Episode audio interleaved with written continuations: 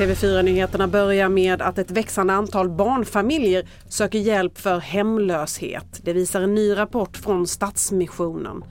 Organisationen efterlyser nu ett vräkningsförbud för barnfamiljer.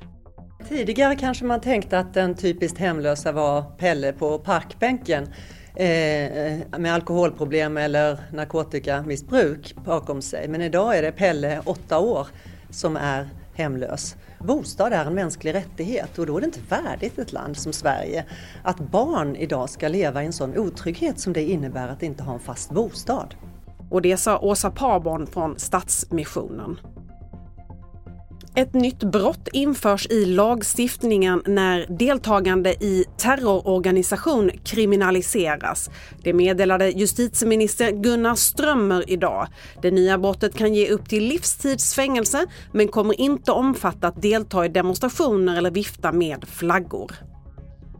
Närmare hälften av alla handlare utsattes för någon form av brott under 2022.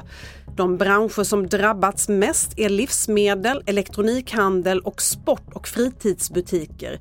Varje år stjäls det för omkring 8,5 miljarder kronor. Fler nyheter på tv4.se. Jag heter Libertad Mancini.